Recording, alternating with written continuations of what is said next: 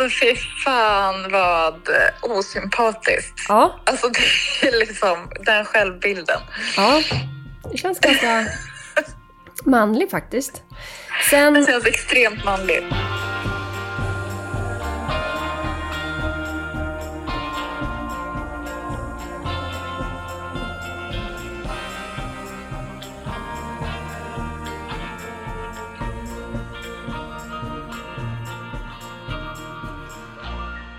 Hej Elin! Hej Kattis, hur är läget? Det är bara fint. Vad bra. Men jag är så nyfiken, för jag har ju sett på Instagram att du har varit på en plats eh, som jag har drömt om att besöka ett tag. Ja, jag kan säga att du, den gången du kommer dit, kommer eh, älska det. Jag tänkte på dig faktiskt. Jag var ju och besökte Villa E1027 eh, som ligger på Cap Martin, franska rivieran. Formgiven av eh, Eileen Gray, både arkitektoniskt och eh, liksom möblerna och inredningsarkitekturen. Eh, och vi är helt golvade nu av inspiration, Alex och jag. Och det, det är också härligt med den här platsen där vi bor, eh, Bordighera, att det finns ett sånt rikt eh, kulturellt arv och också liksom pågående kulturellt liv. Och att man så lätt kan liksom röra sig mellan Frankrike, bort till Monaco också och vara kvar här i Italien och få liksom ta del av det allra främsta inom design och arkitektur. Ja, så himla lyxigt.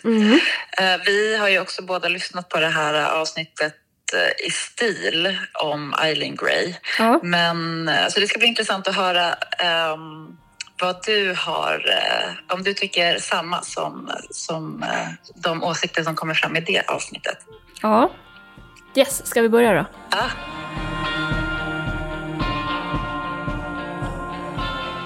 Det är ju så att eh, vi är ju här i Bordighera och eh, det som är fantastiskt med den här platsen är att på sommaren så är det ju väldigt varmt så man orkar ju inte göra så himla mycket utflykter men på höstar och vår och vinter så är det ju liksom som att bo i något slags eh, kulturellt mecka. Eh, en plats där många konstnärer och författare och så eh, vallfärdade för att fira semester.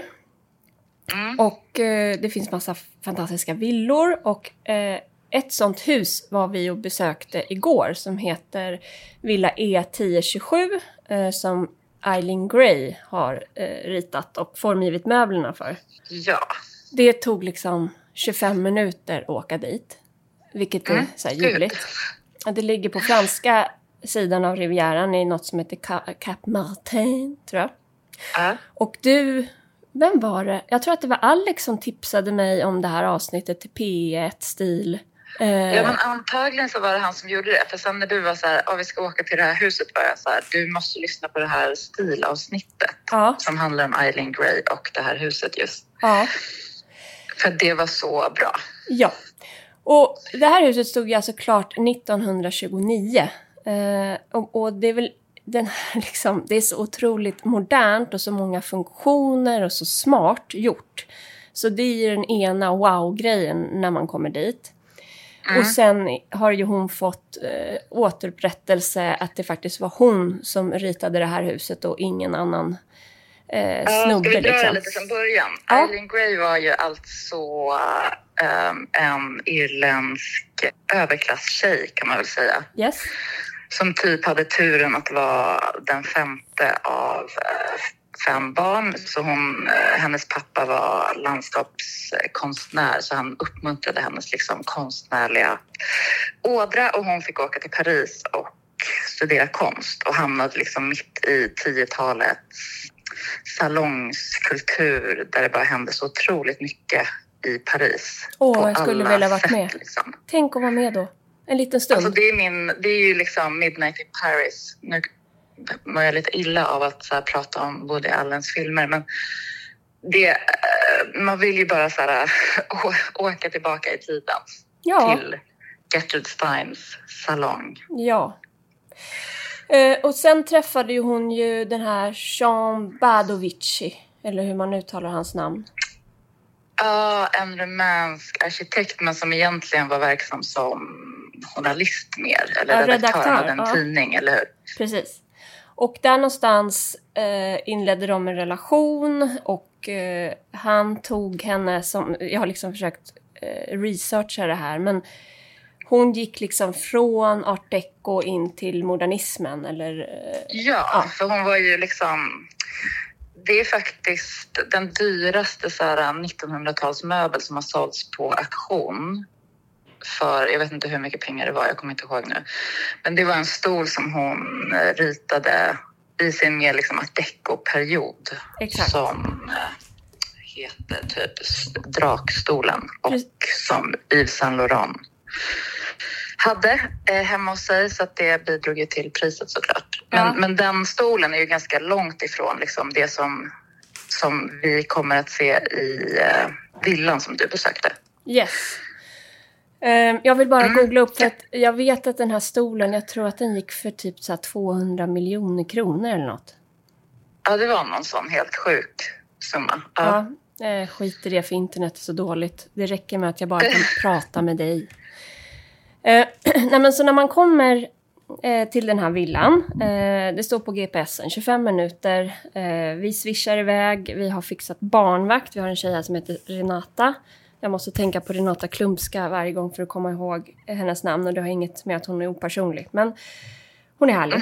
Hon var här, passade Olle, vi swishade iväg och de här stunderna är ju också helt ovärdeliga när Alex och jag får göra någonting själva som kanske inte är det är mysigt att gå och ta en aperitiv också, men att få ta del av de här världarna som ligger liksom gömda. Och uh. Eileen Grays hus låg ju verkligen, eller ligger verkligen gömt. Uh, vi parkerade bilen, sen var vi tvungna, alltså det var ju typ 34 grader igår, uh. att gå längs med en stenstig som var liksom snirkelkringlig ner och man såg att det låg flera villor där lite gömda. Man såg bara liksom entréerna. Mm. Sen bara kommer man ner mot tågspåren så det känns såhär, nej men nu har vi nog gått fel. Och man går också och tänker på hur långt vi måste gå upp sen för att komma upp tillbaks till bilen. Och att det är 34 grader. Men då står en kvinna där, vi passerar under järnvägsspåren och så står en kvinna där och säger, ska ni på guidad tur? Och då... Ja, då hade ni bokat det liksom innan. Precis. Så att den här... Är det är öppet för allmänheten eller är det liksom för att Alex Nej. är eh, formgivare och har special access. Nej, vi har inte dragit några sådana kort. Utan det är öppet för allmänheten och man kan boka på nätet. Vi behövde boka ett par veckor i förväg. Det här var första lediga tiden. Uh, och vi ja, kan... men det, är, alltså, det är ett jättebra tips ju. Om man är suveränt om man är på italienska eller franska rivieran. Alltså mm. det var lite, lite varmt. Inte så mycket i huset. Eh, och vi klarade oss ju, men det liksom... Ja, det var varmt. Men hur som helst så ser man då en vit grind eh, i liksom nät. Och så får man gå ner där och hennes trädgård uppenbarar sig först som är så klassiskt liksom rivieran, alltså traditionellt från hur det har sett ut här i många, många år.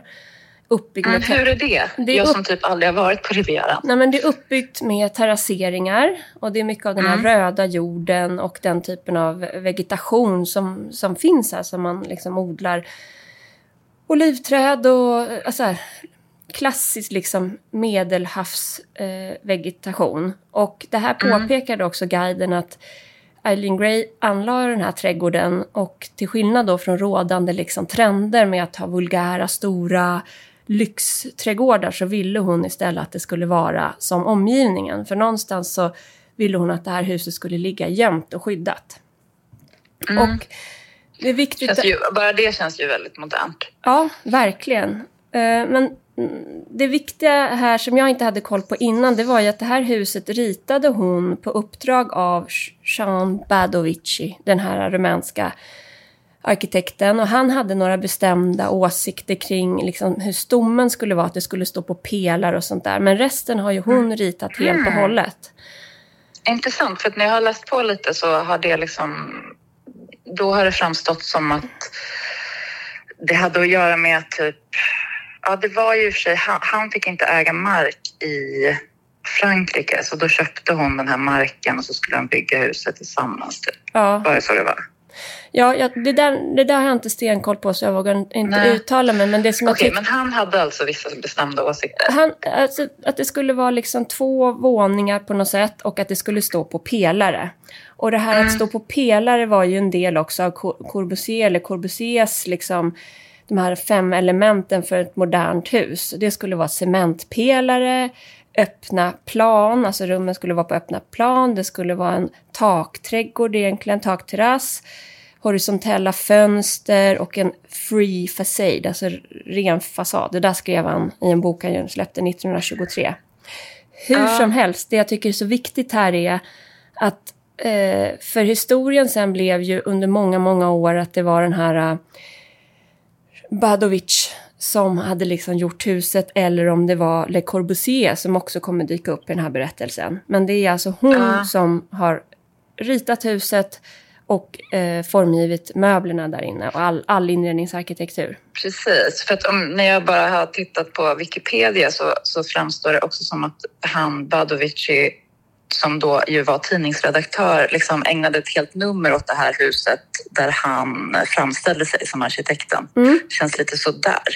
Ja, och det här har jag grunnat mycket på. Det är det som liksom Alex och jag pratat om från innan vi besökte och hade lyssnat på, på stilavsnittet om den här gömda mm. skatten. Och nu efteråt när vi har fått lära oss mer. Och, så det finns flera grejer. Jag fattar inte ens hur allting ska få plats i det här avsnittet, men det finns flera saker jag vill prata om.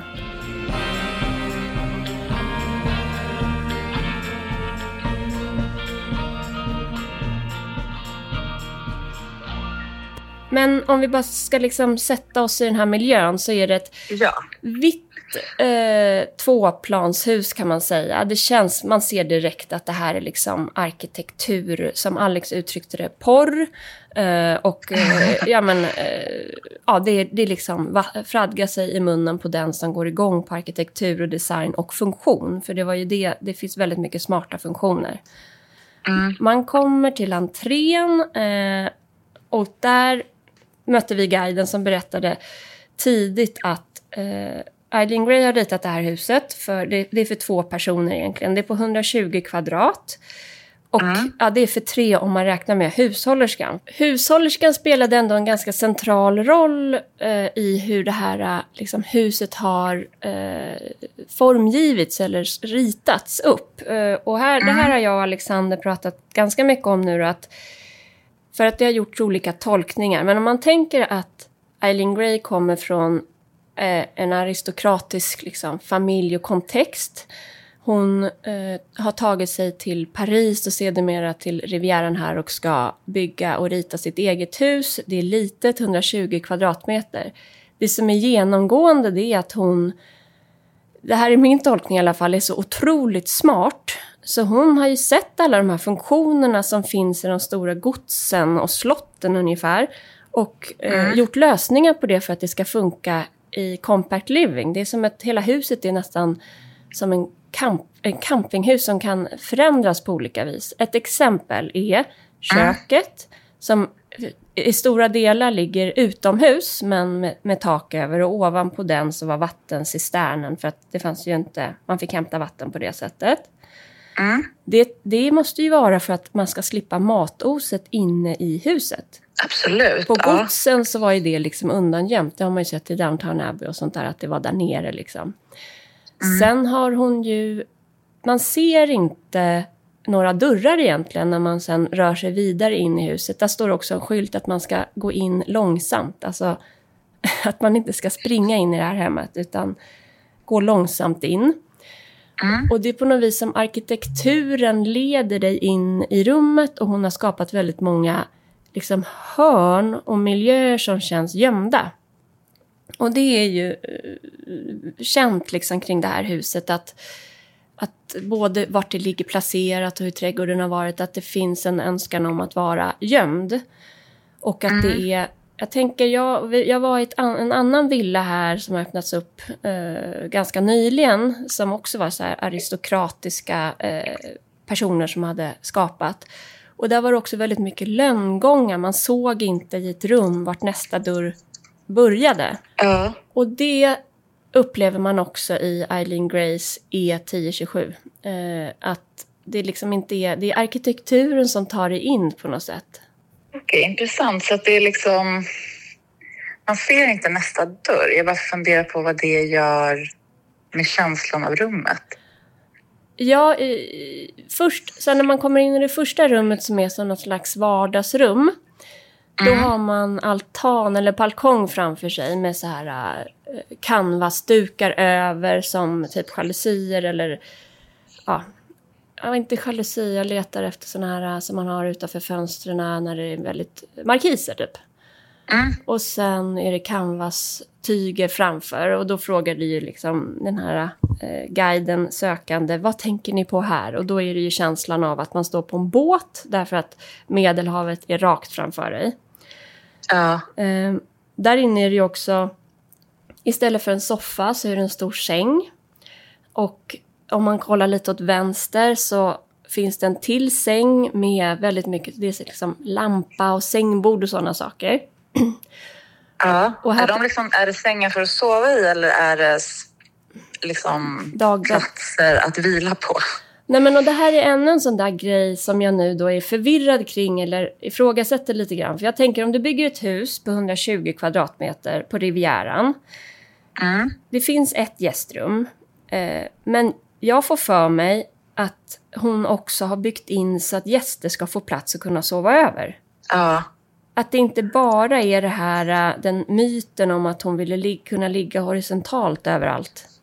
Utan att det faktiskt finns en praktisk funktion, vilket ju är det som kännetecknar hela hennes formgivning. Ja, det är det jag Att det är så tänker. här problemlösning Ja, det- hela tiden. Ja. Eh, Det, men det är det jag tänker. Det kan inte jag veta. Jag skulle gärna fråga henne. Men eh, sen är det ju otroligt skönt att ligga ner på en divan eh, istället för att sitta upp kanske. Och också att det fanns en som stod lite separat och sen den här stora. Att man kunde välja mellan att vara på den stora sängen eller då den här lite mer... Tillsammans kanske också flera stycken. precis. Eller på den undan, liksom lite mera... eh, inte undangömd, men den står lite själv. Där skulle jag ju vilja ligga direkt såklart. Mm. Men jag älskar liksom tanken på att det ska finnas någonstans att sträcka ut sig i varje rum. Ja, det är Jag ljuvligt. tycker det känns så... Det är liksom så här... Det kanske är bara för att jag är så fast i att vara så himla effektiv hela tiden. Men, men att bara så här, att ligga ner utan någon mening, det känns så befriande. Ja, och jag, blev, och jag blir också så påmind om... eh, För i det där rummet som vi är i nu, Mm. vardagsrummet, då står ju det här klassiska Det bordet. är vardagsrummet. Ja, jag Ja. uppfattar det som ett vardagsrum. Det är musikinstrument där, det är med stor utsikt. Går man sedan vidare till vänster så kommer en litet matbord och en, en bardisk som kan fällas ner. Ja, just det. Men i Den, det, äh, i det rummet så står ju det här klassiska E27, alltså 1027-bordet. Mm, adjustable table. Mm. Precis. som hon formgav då efter att ha sett sin syster käka i sängen och göra smulor så, så har hon löst det genom att formge ett bord som man kan putta in över sängen. Precis. Det där bordet, jag måste säga så att jag tror jag hade liksom börjat blocket söka på det redan innan det här stilavsnittet. Men sen har jag faktiskt köpt två sådana bord, Åh, adjustable table. De liksom kom i produktion först på 70-talet när hon var över 90. Jag tror hon dog 76 och var 98 då. Mm. Ehm, och de flesta förknippar nog, de är ju liksom så här äh, krom, kromfärgade äh, glasskiva på ett stativ som är Ja. höj och sänkbart. Liksom. De flesta förknippar nog det med någon slags äh, 80-tals äh, krom svart lädersoffa. Exakt. Alltså inte så, alltså väldigt långt ifrån den där uh, Riviera-kontexten där du befann dig igår. Ja. Jag tycker det är så kul liksom, så att det är nog många som, som får ganska då, dålig smak i munnen av, av de borden. Jag har i alla fall haft diskussioner med, med vänner som får det. Ja. För det har också så här enorma kopi, mängder kopior. ja. Och det är väl signifikant också. Alltså när vi gick runt där igår så var det bara Gud vad många produkter, arkitekter, formgivare som har inspirerats av henne. Eh, och som fort, alltså som, det är så modernt, det är så ultramodernt. Så att... Men det är så ultramodernt och det är också just så här, det är så ultrapraktiskt. För att vi har, i vårt vardagsrum så har vi en eh, ärvd schäslong mm. framför en bokhylla liksom nedanför trappan. Och där, alltså man vill ju använda den, den schäslongen för att sitta och läsa. Ja. Men då vill man ju gärna ha ett litet bord för att kunna ha sin tekopp eller vad man nu har. Eh, och det har varit så svårt att till just den platsen hitta ett bord som funkar. Men det där bordet, just för att det, liksom, det är ett stativ som, in, som sitter på sidan och sen har liksom fötter som går in, så kan man liksom skjuta in det över schäslongen så att det står aldrig i vägen. Alltså det är verkligen så här, det är genialiskt. Och det är det som man liksom påminns om i hela, hela huset egentligen. Ja, jag vill bara att du ska fortsätta beskriva typ allt. Ja, eh, ute på balkongen så stod det, huvud, huvudbalkongen som är liksom rakt fram när man kommer in, den eh, som följer hela eh, framsidan av huset. Där stod det två korgfåtöljer som hon hade gjort mm. och ett eh, bord med askkopp i mitten som satt liksom fast där. Eh, sen fanns det, om, man, om vi backar tillbaks lite och går bort mot den här sängen till höger som är lite avsides. Så där ute var det också en balkong med en hängmatta. Eh, så att jag ser framför mig hur man skulle kunna liksom med någon av hennes vikväggar skilja av den där delen och så blev det ett rum för en gäst. Ah, och typ ett ganska fint rum eftersom det förlängs utåt till den där balkongen. Exakt, med egen hängmatta. Där vill jag sova. Ja, ja men gud, verkligen. Och sen... Eh, de här vikväggarna, kan du inte berätta lite mer om vikväggar? Jag, jag känner liksom, det är sånt himla härligt, eh, en härlig möbel, men den är ganska svår. Alltså en, en typ alto vikvägg, så här vågig. Ja. Den tar ju väldigt mycket plats i ett rum. Ja. Jag drömmer alltid om att, att ha vikväggar men har liksom inte ytan till det. Hur, hur är hennes vikväggar? De är ju ganska höga, eh, alltså verkligen gedigna. Hon hade dem ju i så här, en av dem var i något typ av material, plåtaktigt, så att det både blir som en spegel, helkroppsspegel. Eh, men också ett, eh, ett material liksom som skapar någon slags så här, eh, inte kall, men liksom avskiljande känsla. Hon mm. har ju vikväggar överallt. Det var ju en av de produkter som hon sen liksom har blivit känd för egentligen. Och jag... Ja, och hon, det var många som var lackade va? För mm. hon liksom studerade ju för en japansk lackmästare uh, i flera, flera år. Ja, så de var så här superhöglackiga. Uh, alltså som ja. också ser så, verkligen modernt ut. Och det fanns ju flera vita. Det tänker jag också är så här, en, en, bara så en detalj som, som jag, jag, känner att jag blir så sugen på. Just det här högblanka, typ högblankt kakel. Ja, I köket istället för det här matta som vi har sett ganska länge. Exakt. Och det får mig att tänka på typ 80-tal. Ja. Att det är som så cykler som går hela tiden. Ja, det är ju 80-tal mycket. Alltså, hon måste ju, om hon återupptäcktes på 70-talet och liksom fick en renässans så var det kanske, det kanske är liksom hon som låg bakom hela den här 80-talsestetiken eh, med det högblanka materialet och kromet och... Ja, för det, koppl det kopplar ju jag nu till någon slags så här högkonjunktur och att liksom, ekonomin blomstrar och man vill liksom ha lackigt och uh, att det är vulgärt vackert på något sätt. Mm, precis. Hur som helst, i huset Eh, så fanns det också på den där våningsplanet ett, ett badrum som ser också übermodernt ut. Jag har ju bilder på allt det här så vi ska eh, lägga mm. upp massor. Strössla internet, ja.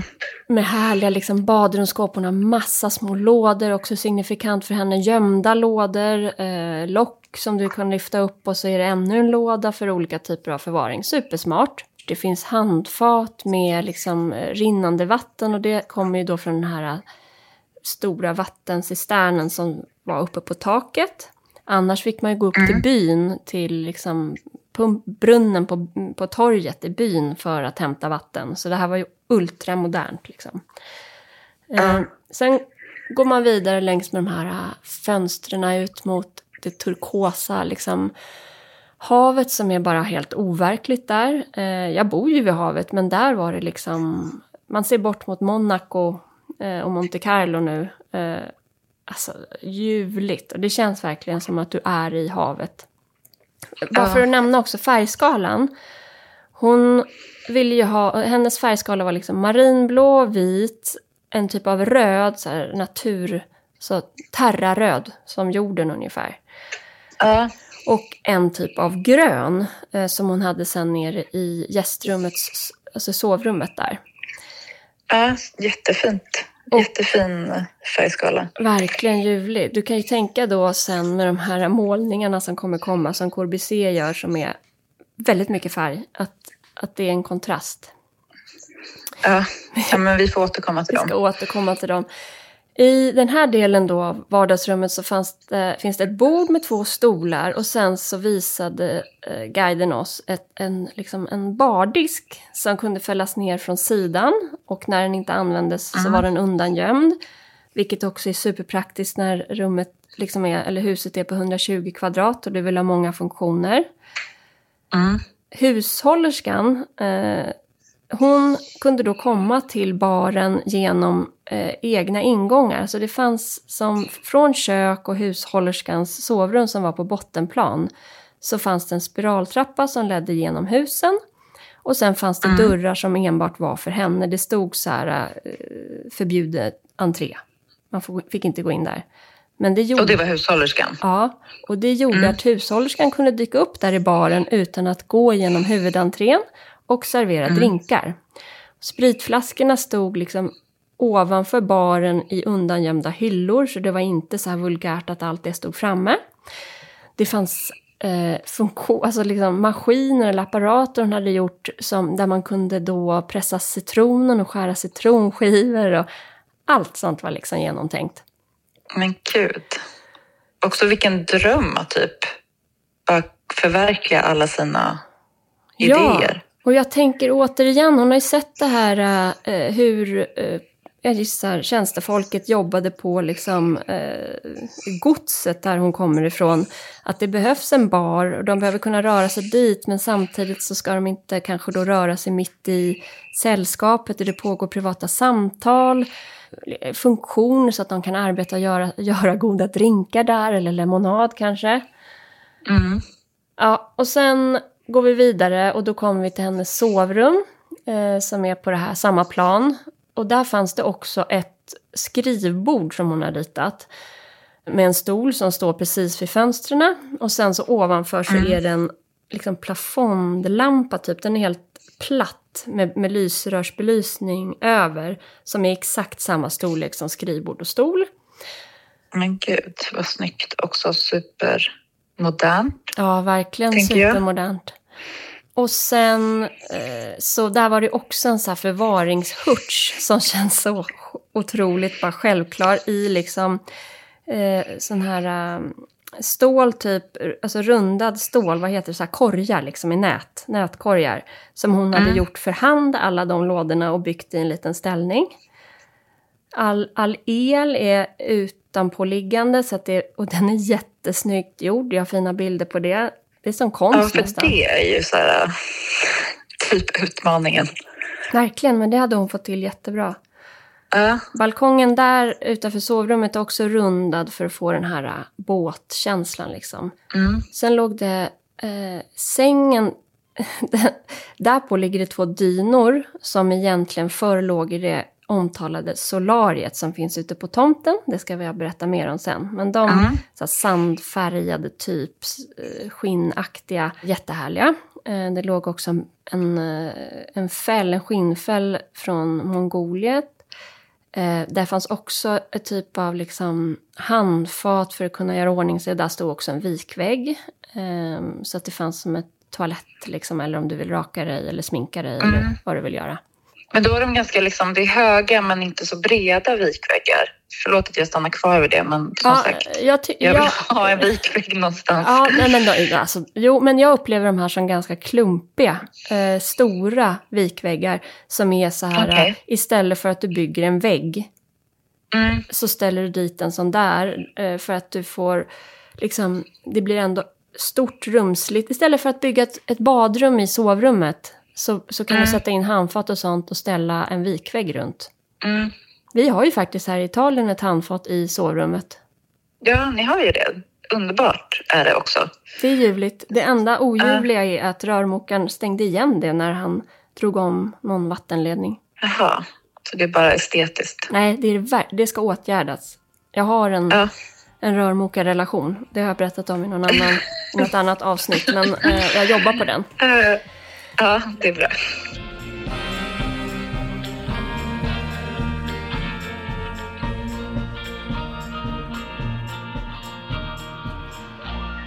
Vi är alltså i sovrummet och sen när man går vidare till sovrummet där fanns det då en trapp ned. Och då, Får jag, får jag, fråga, jag vill bara fråga en sak till då. Om Ja. hon har liksom sängar utspridda, Mm. skiljer sig hennes sovsäng från de andra sängarna? eh, ja för den har liksom, här missade jag lite, lite grann. Det finns, det är en fantastisk lampa vid sidan om och så är det något liksom, eh, en, en byggnad runt eller en förvaring där du kan ha eh, någon typ av gardin. Jag gissar, men det här vet jag inte, att det kanske skulle kunna finnas ett myggnät som kommer ut där. Därför att det var mycket mygg, det är mycket mygg i det här området. Det är väl ett minus med att det ligger gömt i buskage. Ja. Till exempel en anledning att hon inte byggde en, en vanlig pool med vatten i, utan byggde ett solarium istället på tomten. Eh, det var just att det var så mycket mygg och hon ville inte dra till ännu mer mygg genom eh, liksom en pool. just det. Men då kommer man vidare till en trapp som leder ner till liksom under pelarna där. Eh, och där var det, är det ju svalka. Där finns det också en... Ett liksom, det ser ut som ett, ett skjul i plåt som har byggts för trädgårds, förvaring av trädgårdsredskap och sånt där. Mm. Men kikar man in genom ett fönster så ser man på andra sidan av byggnaden så är det ett runt fönster för att kunna ha projektor. Jaha. Så det var som en liten utebio typ? Ja, ganska Gud, vad- jag bara, det här låter ju som den ultimata så här, sommar, Platsen, ja. sommarfritidshuset. Jag som är i eh, fritidshus-tankar. Säg det till. Jacke, att vi behöver ha så här cementpelare och där under ett skjul och där ska det stå en projektor så vi kan ha ute bio, fast inne. Oh, Gud, vad härligt. Ehm, sen så märkte man på eh, guiden att hon var liksom lite generad. För hon bara, innan vi går, run- går in i hushållerskans eh, sovrum så måste jag berätta lite om hur det var på den tiden. så man förstod att hennes rum kanske inte var så vräkigt liksom. Där inne står en väldigt liten säng. Den är inte original utan köptes senare. Eh, Det här rummet gjordes eh, på den tiden var det jättemodernt med rinnande vatten och hon hade garderob och sånt, hushållerskan. Mm. Som liksom ville sätta oss i en kontext så att vi förstod att det inte, att det inte var liksom, eh, vad ska man säga, plågeri för hushållerskan i hennes sovrum. Men Ah, man, hennes rum går ju då att komma till via den här dolda trappen. Eh, som går igenom hela huset. Det enda man ser av, av den trappen egentligen utifrån är en fantastisk liksom, festanordning eller topp uppe på taket som är eh, jättevacker. mm. Så vi går in i hushållerskans sovrum och då är det ju så att det känns, ursäkta men jag tänker typ lite koncentrationsläger Brits liksom, eller den är, eller en mix av skuttsäng, så här gammal, liksom hopfälld på något sätt, men alltså pytteliten för ett barn. Och även om det. Mm. inte var original, inte original, ursäkta, så tänker jag att det liksom ändå måste varit en liten säng där för att ytan är sån att det har inte... Ja, hon skulle inte lagt så här mycket krut på att ursäkta sammanhanget om det inte faktiskt var så att det var en liten säng för hushållerskan men däremot så hade hon rinnande vatten och allting sånt. Sen var det också ett gästrum på det här bottenplanet som eh, hade speciella fönster som kunde vinklas, men som var liksom kristallglasfrostade. Så att det, Mm. och fönstren ska vi prata mer om, men just det här fönstret det går, går att vrida upp så att det blir öppet fast ändå...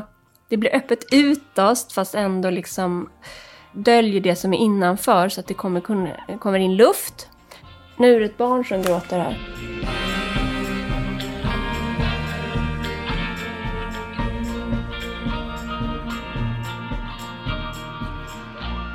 Nej men så gästrummet där nere, det är det vi är på va? Ja. Mm. Där är det en grön nyans. Det finns också en vikvägg eh, och alltså här, man blir så på, liksom, eh, påmind kan man säga om hennes finurlighet. Så alla förvaringar är som jag nämnde där uppe i badrummet. Men det är små lådor som du kan dra ut. Det ser ut som att det inte är en låda men det är det. Det är liksom det här dolda, gömda, någon slags lekfullhet men också en funktion för att Mm. det blir ju också vackert av att det inte är bara repetitivt utan att formen skiljer sig men att den, du har ändå förvaring. Där uppe på ena sidan har du en lucka som du kan lägga ner grejer. Bredvid det är det en låda. Bakom finns det också en låda som är liksom lite mer gömd. Mm. Spännande. Gud, verkligen lekfullt. Otroligt lekfullt. Och det- tråkiga med det här huset, för det har ju renoverats under 20 års tid nästan, eller rekonstruerats för att det hade, har en historia mellan ägarna där det har verkligen inte tagits om hand utan stå, stått övergivet. Men det är att, Och typ blivit skottat i princip, eller? ja, verkligen. Jag tyckte det stod det på, så här, på Wikipedia. Ja. Eh, det är ju att jag känner av att det är inte exakt, det kan inte vara exakt som när hon bodde där. För att det är, dels är det, det faktum det att eh, originalmöblerna såldes under eh, en period när dåvarande ägaren av, av huset eh, hade brist på pengar.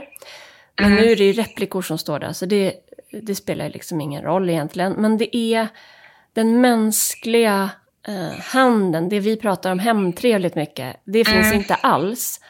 Och det kan ju vara såklart modernismen och fun- alltså funktionalismen att det ska vara, det ska inte vara gullig och pluttinuttigt, men hennes aura och energi är inte riktigt kvar i huset och det är tråkigt. Nej, och det jag tänker att hon ändå trots liksom de här väldigt rena linjerna och så där så, så var ju hon till skillnad från liksom de andra modernisterna kanske så otroligt människocentrerad.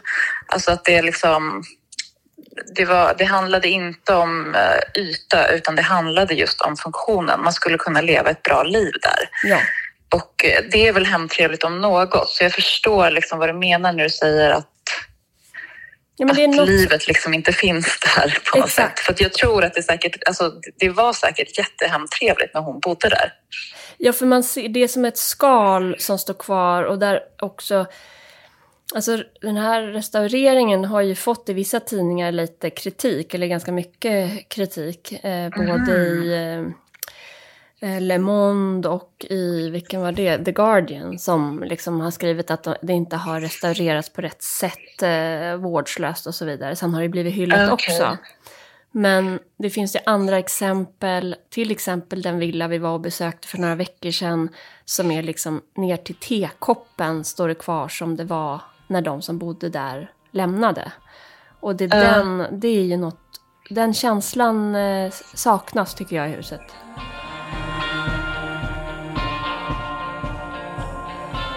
Och sen trädgården, om vi går ut där, då hade de en egen eh, gång ner till vattnet, så de hade liksom privat strand. Och där Vad står var det för material på gången? Om eh, man får fråga. det är eh, sten, liksom typ, det, vissa delar är lagda med kakel. Ah, Svart kakel vid dusch och sånt. Det finns en utedusch och ett utehandfat. mm. Och sen är det eh, stenstenläggningar och liksom ser ut som terrakottaskivor ungefär. En, ja, typ av kakel liksom. Bort Mm. till den här trappen som är i sten och leder ner till havet. Och sen på sidan av huset ligger den här berömda, eh, berömda solariet. Och det är Ja. egentligen en pool fast i terrakottafärgat och så en del är i svart sten som är liksom en liggdel. Och där ska då de här dynorna som nu var uppe i hennes sovrum, de ska egentligen ligga där. Men det är också en sån här del, det går, nu när man står där, det liksom var 34 grader. Ett, solariet användes ju på vintern, för hon var där under vinterhalvåret. Det var ju inte under Ja. sommaren man skulle ligga där. Berätta för, alltså vad, för alla som inte har hört eh, P1-programmet, vad är solariet liksom? Man, Solariet man tänker ju på så små plastsolglasögon så ska man lägga sig i något som ser ut som en rymdraket. Ja, eller att det typ är lite läskigt på något sätt att det är så här, hon experimenterade, tänker jag då i min fantasi när jag kom med typ el eller något. Det är inget ja, sånt. precis. Utan det här är en, en bassäng kan man säga, en grund bassäng i svart och uh, terrakottafärgad uh, kakel. Det är som en byggd bädd, liksom vinkelställning. Den delen är svart och där skulle de här dynorna ligga. Och hon, mm. på hennes tid så var det sand i botten av, av bassängen, eller det här solariet. Och det var också träd ovanför som gav bra liksom, svalka på något sätt, solskydd. Och nu när vi går där och det är 34 grader varmt så, så ser det ut som ja, man skulle ju dö om man la sig där. Och det är de här delarna, det har gått så lång tid så att träden finns inte där längre. Eh, och eh, det är också försummats under många år och varit övergivet och eh, liksom, folk har bott där eh, utan att få det. Så eh, det är delar som saknas och de, de historierna skulle jag så gärna vilja veta mer om.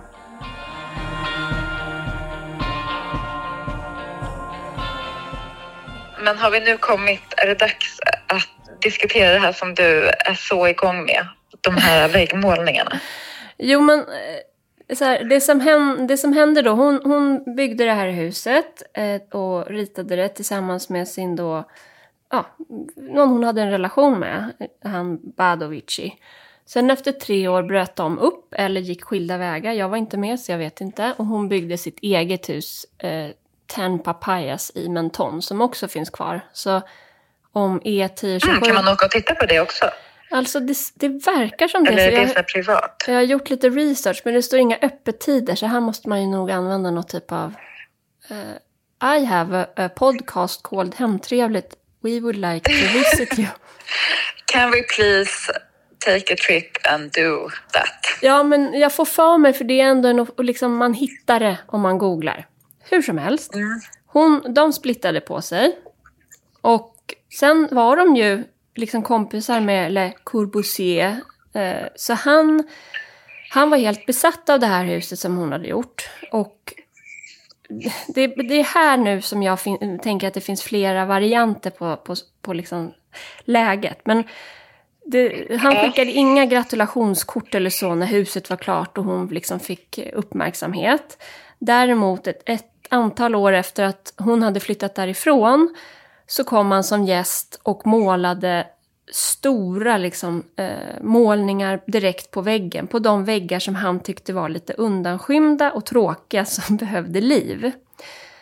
Eh, Men det här var ju då också erotiska Picasso-inspirerade eh, målningar som eh, i alla fall enligt det här stilprogrammet var inspirerade av hans eh, tid med horor i Algeriet typ.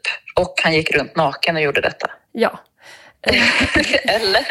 Ja, eh, och då försökte... Då, det skulle ju kunna vara så också att det var väldigt varmt. Eh, och att man, han lever i någon så här eh, värld eh, där han är ständigt påpassad och fotograferad och så är det härligt att vara typ lättklädd. I don't know. Men... Ja, men jag har sett, bild, jag, jag har sett bilder på, på, på honom där, väldigt lättklädd, målandes. Ja, men... Han ser så glad och nöjd ut. Han ser lycklig ut. Så det skulle kunna vara så. Men jag undrar ändå så här, jag kan verkligen tänka mig, jag tycker ju själv om att, att gå eh, liksom, i typ trosor runt i lägenheten här för att det är varmt. Men jag vill inte ha mitt kön framme, det känns liksom inte viktigt för mig. Och där tänker jag att det inte har hänt så mycket på hundra år. Alltså, att du liksom, att han, det, det var något eh, alltså shade med att han var helt näck och målade, tycker jag. Men eh, sen är ju frågan också liksom, jag läste någon annan artikel där det hänvisades till att hon tyckte att det här var ett övergrepp på hennes verk. För hennes tanke med de här vita väggarna var ju att eh, det var ju liksom ett färdigt allkonstverk och arkitekturen tillsammans med ljuset liksom var det som skulle tala på väggarna. Det var liksom inte, de skulle inte prydas Nej, helt enkelt och det av är, någonting. Det är ju en typ av våldtäkt. Alltså, tänk om Zaha Hadid hade gjort ett hus och så tre eller tio år senare kommer någon annan och bara, nej men nu målar jag lite här på de här väggarna som är lite eh, tråkiga tycker jag. Det är ju inte, Det är ju inte klokt. Eh, hon hade ju ett... Eller så är det liksom att så här, alla ska få göra vad de vill med ett hus. Alltså man vill inte heller leva i historien. Men just när det gäller liksom Le Corbusier som Alltså, hon rörde sig ju också i liksom Paris queer-kretsar. Mm. Hade relationer med både män och kvinnor och det verkar enligt Katarina Bonnevier, Mm. tror jag man säger, som att Le Corbusier hade, ett, liksom, hade en besatthet av de här kvinnorna som, som typ var ointresserade av män och på olika sätt Alltså han byggde ju till exempel en hytta där han kunde titta ner på det här huset. Men, men jag tycker det förändrar historien jättemycket att han gjorde det efter att hon inte bodde där längre. Ja, det stämmer ju inte Men- riktigt att...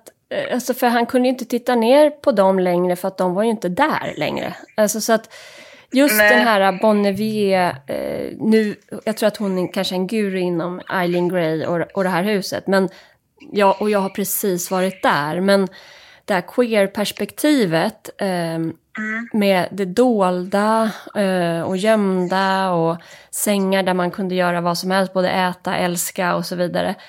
För mig är det snarare en, en smart person som har, kommer från aristokratiska liksom, miljöer och har sett massa funktioner och flöden som har krävt stora ytor som hon har gjort liksom, praktiska lösningar för att få till. Från kök till bardisken och så vidare genom hela huset. Ja, den här gömda liksom, perspektivet av att eh, göra någonting som ingen annan ska se.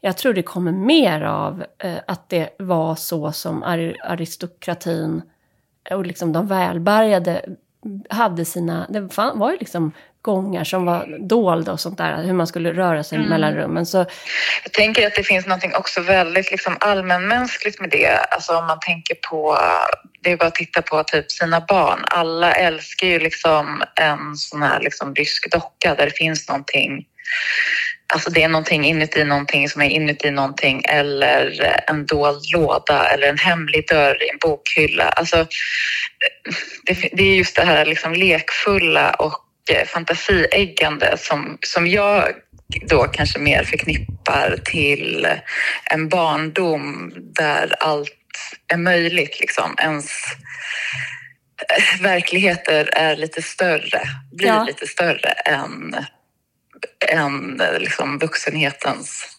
krassa ramar på något sätt. Ja, att det ska vara så tillrättalagt. Och det var ju så sen då, för att det finns ju en härlig restaurang som låg här uppe också eh, bredvid huset som var igång på den tiden. Som, det var ingen liksom, eh, Michelin-krog utan det var redig mat för de som bodde i området, fiskarna och så vidare.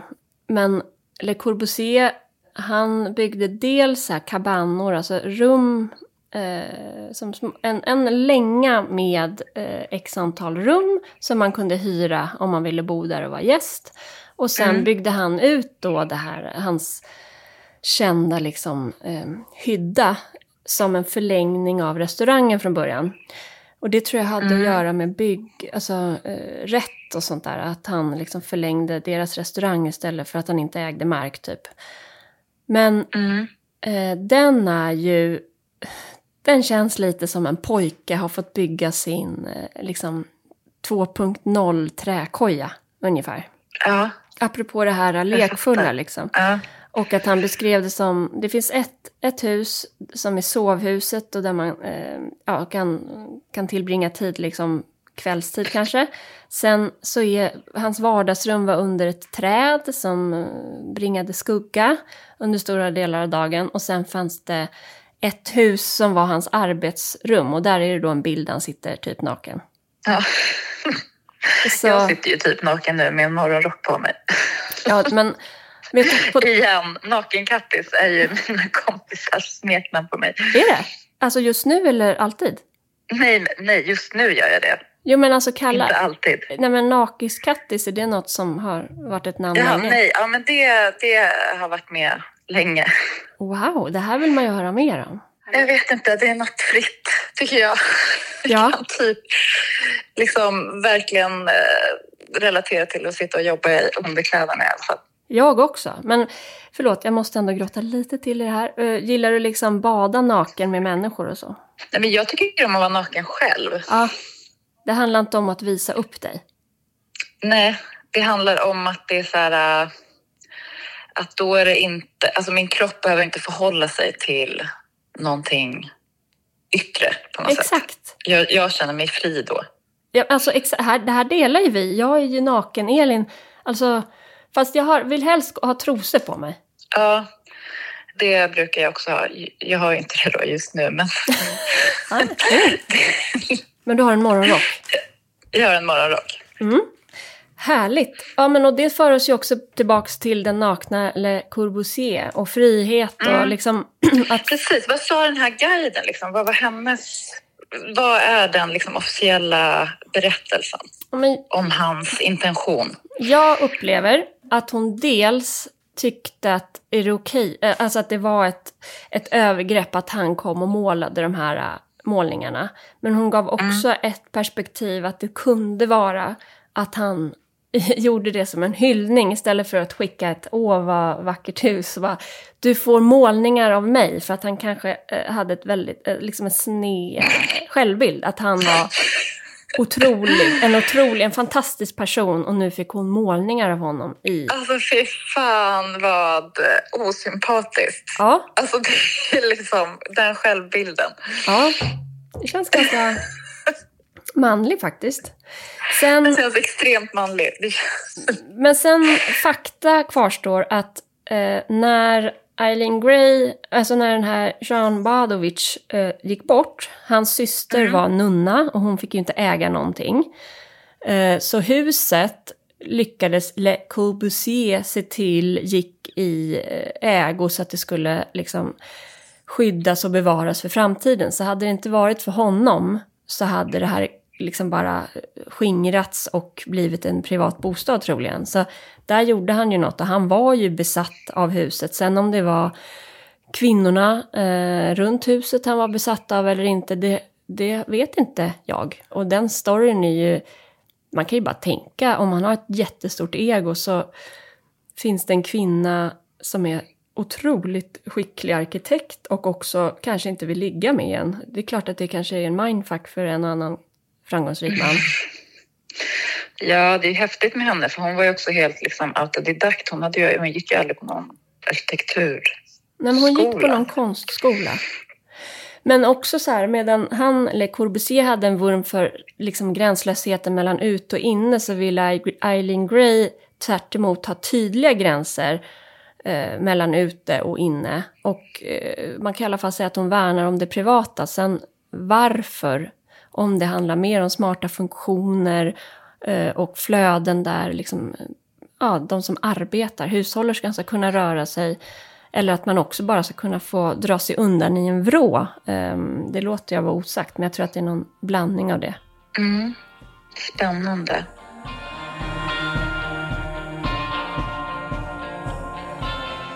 Ja, alltså det var så härligt. Um, mm. Nu, nu en fråga då. För första gången jag såg de här väggmålningarna så tyckte jag att de såg helt fantastiska ut och jag är ju väldigt inne på väggmålningar just nu och skulle gärna ha en själv. Mm. Eh, vad tyckte du om väggmålningarna?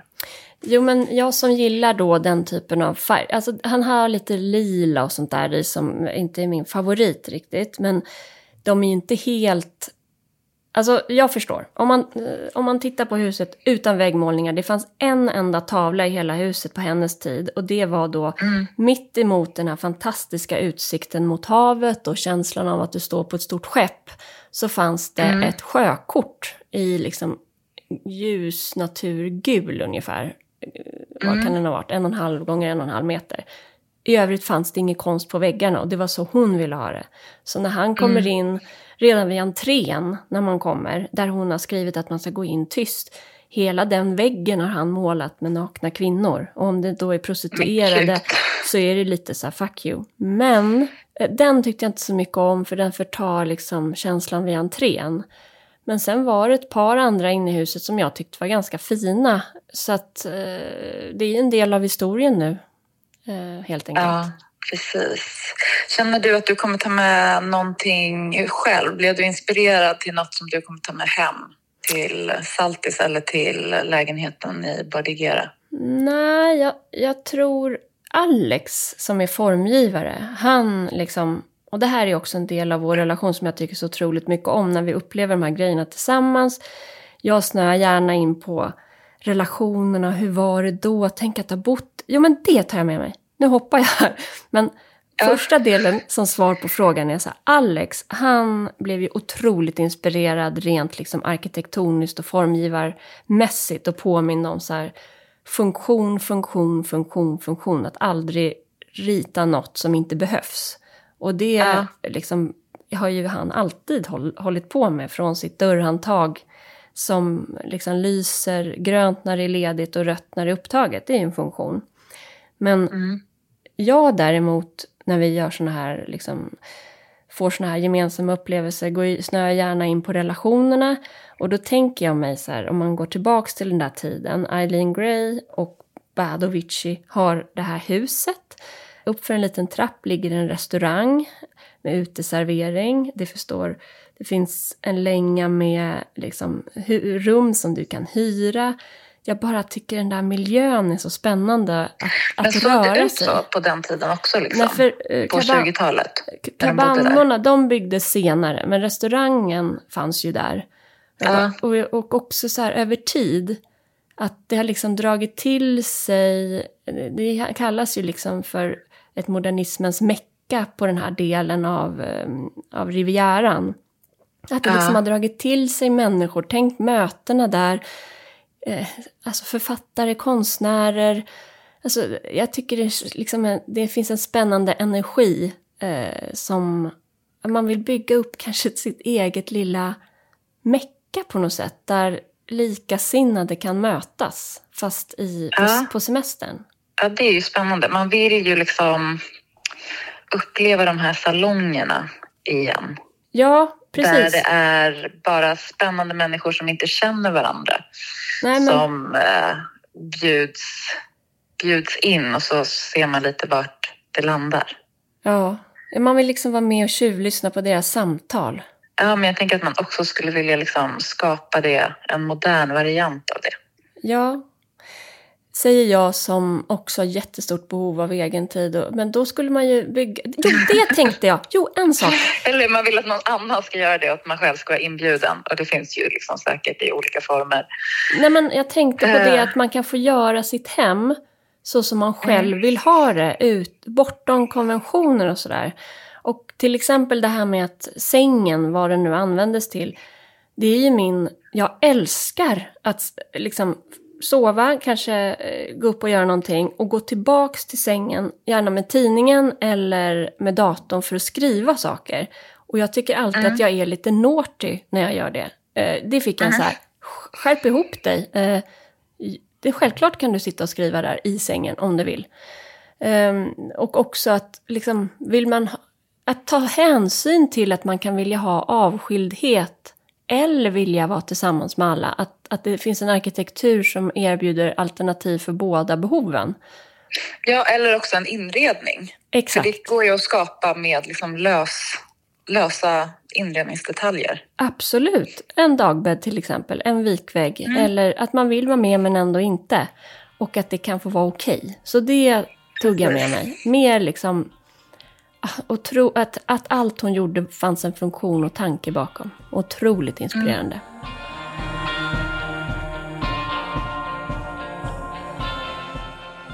Jag känner att jag blir inspirerad att kolla närmare på hennes färgskala. Mm. Jag skulle vilja få in i mitt eget hem några liksom signalfärger. Mm. Jag har varit inne på att så här, måla vårt kök på tega grönt. Mm.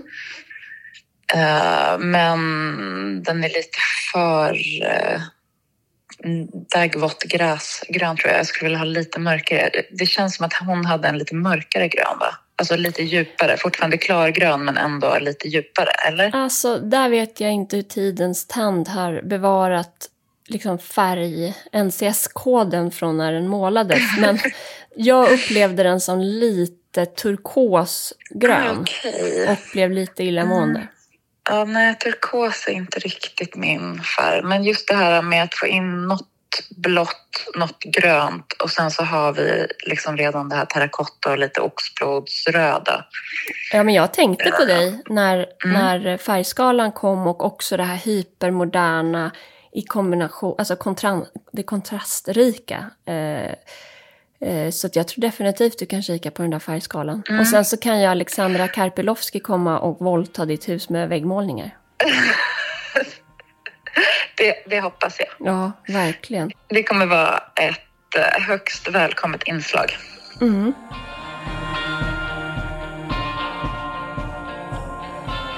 Gud, det var som att man bara så här, äh, också vill följa med henne till Paris och bara lära sig allt om henne. Men äh, det här var superinspirerande, Elin. Vad bra. Tack för att du var där.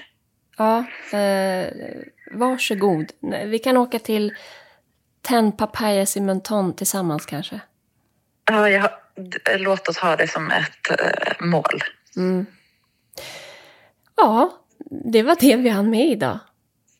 ja, jag tror, äh, även fast det känns som att vi pratade i supertempo så har vi pratat jättelänge. Ja, underbart är kort. Mm. Men du, vad ska du, vad händer i helgen? Eh, vad händer i helgen? Vi ska hyra hus med våra vänner. Vi är kvar här på Gotland. Mm. Och de eh, kommer hit. Vi kommer vara 16 pers i ett stort hus. Det ska bli jättehärligt. Åh gud, vad, det känns mardrömslikt. Nej! Det är dina vänner. Det är mina vänner. Det är en vecka. Vi kommer att klara det. Gud vad härligt. Enjoy. Ja, du då? Eh, vi, eh, en instakompis till mig kom förbi strandklubben igår och vi käkade lunch med hans familj. De har också köpt hus borta i Imperia 20 minuter från oss. Så nu ska vi åka och hälsa på dem i helgen för där finns det sandstrand vilket ju är lite mer lämpligt eh, än stenklippor när man har en ett och ett halvt åring. Det låter underbart. Eh, nästa gång vi ses är det väl hemma i Stockholm? Är det så? Men Jag usch, tror det. usch. Jag är inte där än. Nej, men det är för att vi spelar in i förväg. Du kommer vara där. Ja, jätteskönt. Ja, för det kan ju vara bra att veta. Vi eh, har gjort, vi spelar in varje vecka, men nu här ett par veckor ska vår redigerare Jonas få gå på semester. Så då har vi bunkrat upp med lite avsnitt. Ja, Mm. precis.